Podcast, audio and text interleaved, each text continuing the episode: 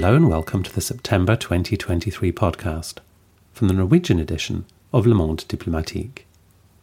My name's George Miller, and my guest this month is Anne Cécile Robert, who's Director of International Editions at the paper. Anne Cécile's piece in this month's edition asks why so many coups in West Africa? The list in recent years now extends to seven, two coups each in Mali and Burkina Faso, and one apiece in Guinea and Niger, and, at the end of August, another in neighbouring Gabon. While some commentators have reached for medical metaphors, talking of an epidemic of coups spreading through contagion, Anne Cécile looks for deeper causes, including structural inequalities, democratic deficits, and the effect of Western interventions. When we spoke mid month, I began by asking her to tell me what she had set out to explain. Well, first of all, uh, we must keep in mind that most of the time, for a lot of people in uh, Europe and in the Western world, what happens in Africa is a mystery. Uh, Africa is a continent we, we don't get, uh, where people fight. And so very often people are lazy when it comes to understanding what, what's going on in the African continent. That's not the case uh, with Le Monde Diplomatique, of course. We have always taken the continent seriously. And so when something like that happens, I mean, a lot of coup, a series of, uh, a series of coup, we start to wonder what's going on. And, uh, uh, we start to question the, the fundamentals, what is going on. And when the same thing happens in very different countries, you must draw a political analysis. It must be something political. And so that's the, the starting point. What is the general political phenomena that can explain this series of coups? Then we start looking into each country to see if there are common uh, movements, common ideas, common trends taking the situation seriously. Because too often we see people just saying, well, another conflict uh, in Africa again. They're fighting again. Uh, they, they are, are bringing the military into power again. And of course, it's not enough. From that, you can see if you start looking at these events from a political point of view, you quickly see the problem is a problem of uh, political legitimacy. Governments in Africa are suffering from a lack of political legitimacy. That's why the military have a space to act.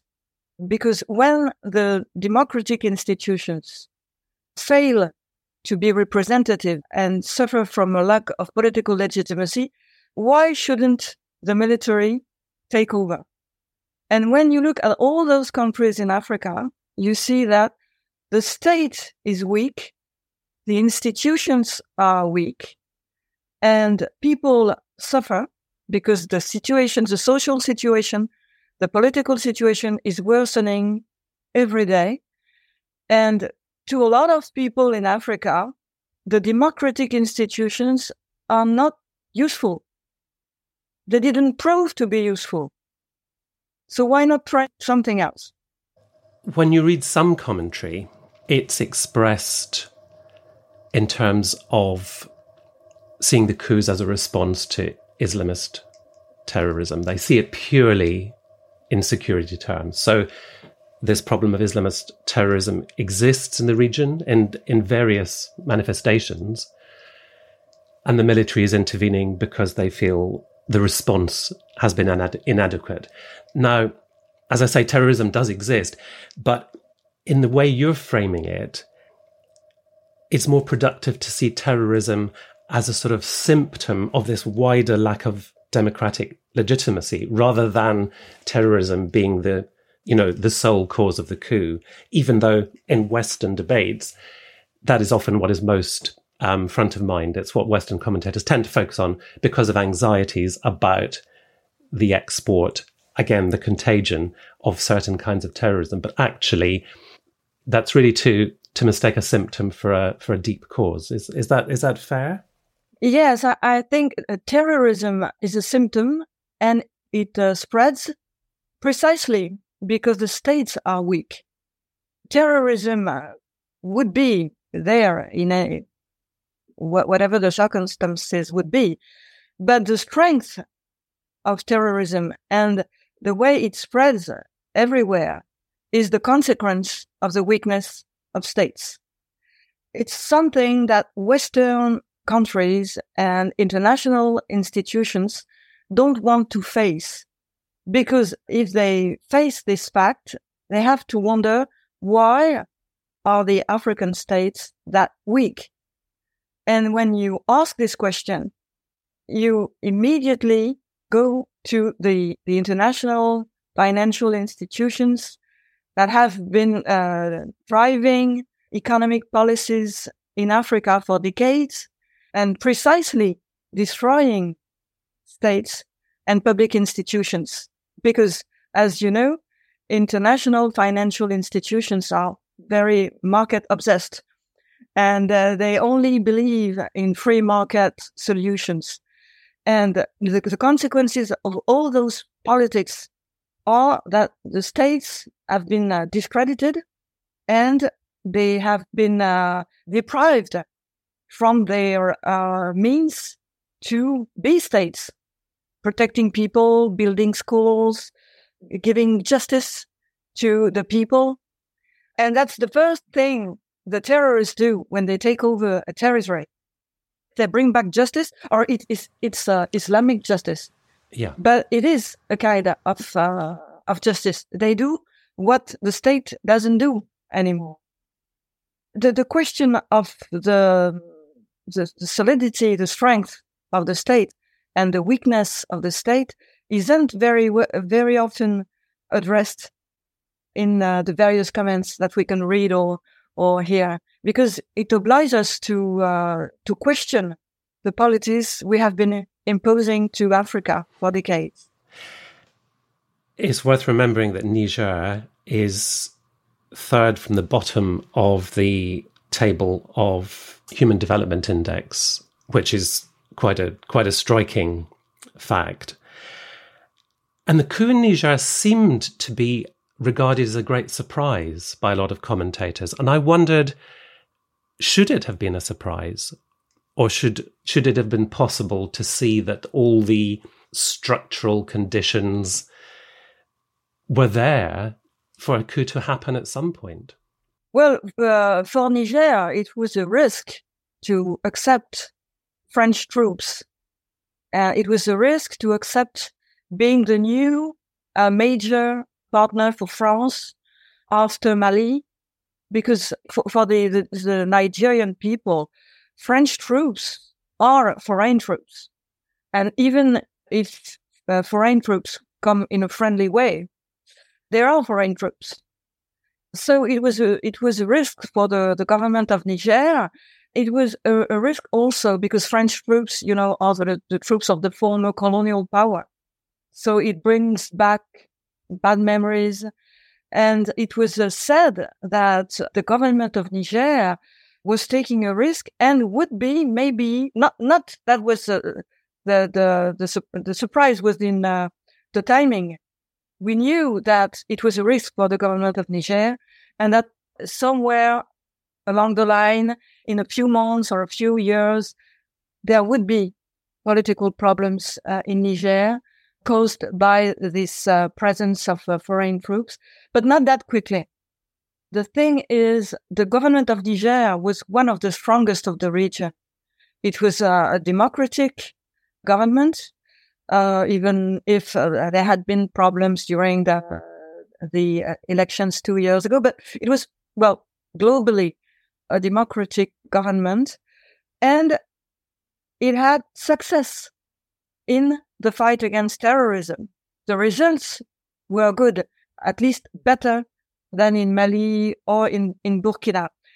So uh, there shouldn't have been a coup. But maybe what provoked the putsch was that the military were unhappy with the civil authorities. because the civil authorities wanted to control the military and the financing of the military. And uh, so the military didn't like that. And maybe they, they found the, uh, the solution in the coup because they, they saw that, well, coups were solutions in other countries of the region. So they say, why not solving problem with the civil government by making our own coup? So this coup has an opportunistic dimension. But a global trend of civil governments and civil powers being challenged by very disturbing phenomena like terrorism, the weakness of the state, poverty, international control. It happens in a global situation. And in the end, well, the coup becomes the solution. Yes. And I think you, in your article, you want to point out that we shouldn't see Africa as entirely a case apart. There are phenomena which we're seeing there in particular forms, but which we can also see being expressed in other parts of the world, perhaps in different forms, but there are similar forces at work, bigger geopolitical forces about about sovereignty, about populism, about the whole realignment of of of power structures in the world. Can you say a little bit more about that? How you see it as not an isolated African phenomenon, but actually there are there are other things which you connect it to in, in wider geopolitics. Uh, Africa is uh, some kind of a magnifying glass, you know, of international trends, democracy is challenged everywhere. Uh, we see uh, populist movements, uh, far right movements, and we see we also see authoritarian temptations in countries like France. So there's a general trend of a political backlash for democracy.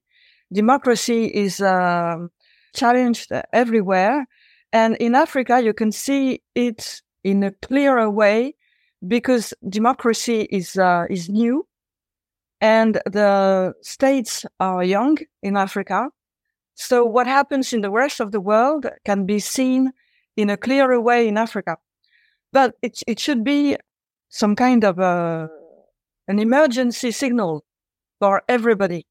What's happening in Africa reminds us that maybe in the Western world and in Europe, we don't defend democracy as we should we don't practice what we preach.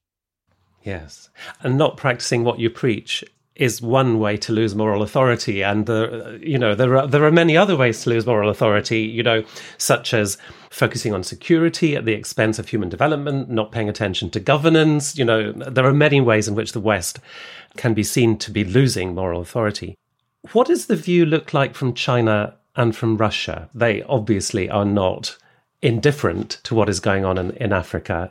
How does that fit into the bigger picture of both the, um, the, the, you know those states and the people who conduct the coups?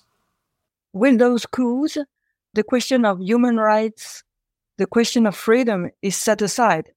So to regimes like the Chinese regime, the Russian regime, it's good news because uh, it, it opens a space for them to say, well, we are in accordance with what you're doing. We are also fed up with uh, those human rights policies that are, in fact, a way for the Western countries to impose their own policies and defend their own interests. So for China and Russia, it's an appeal. It says, uh, well, it's time for you to come and put forward your own interests and your own uh, policies. But at the same time, in Moscow and in uh, Beijing, they are worried because nobody knows where those uh, new uh, military regimes are heading. Nobody knows what they are going to do. They seized power.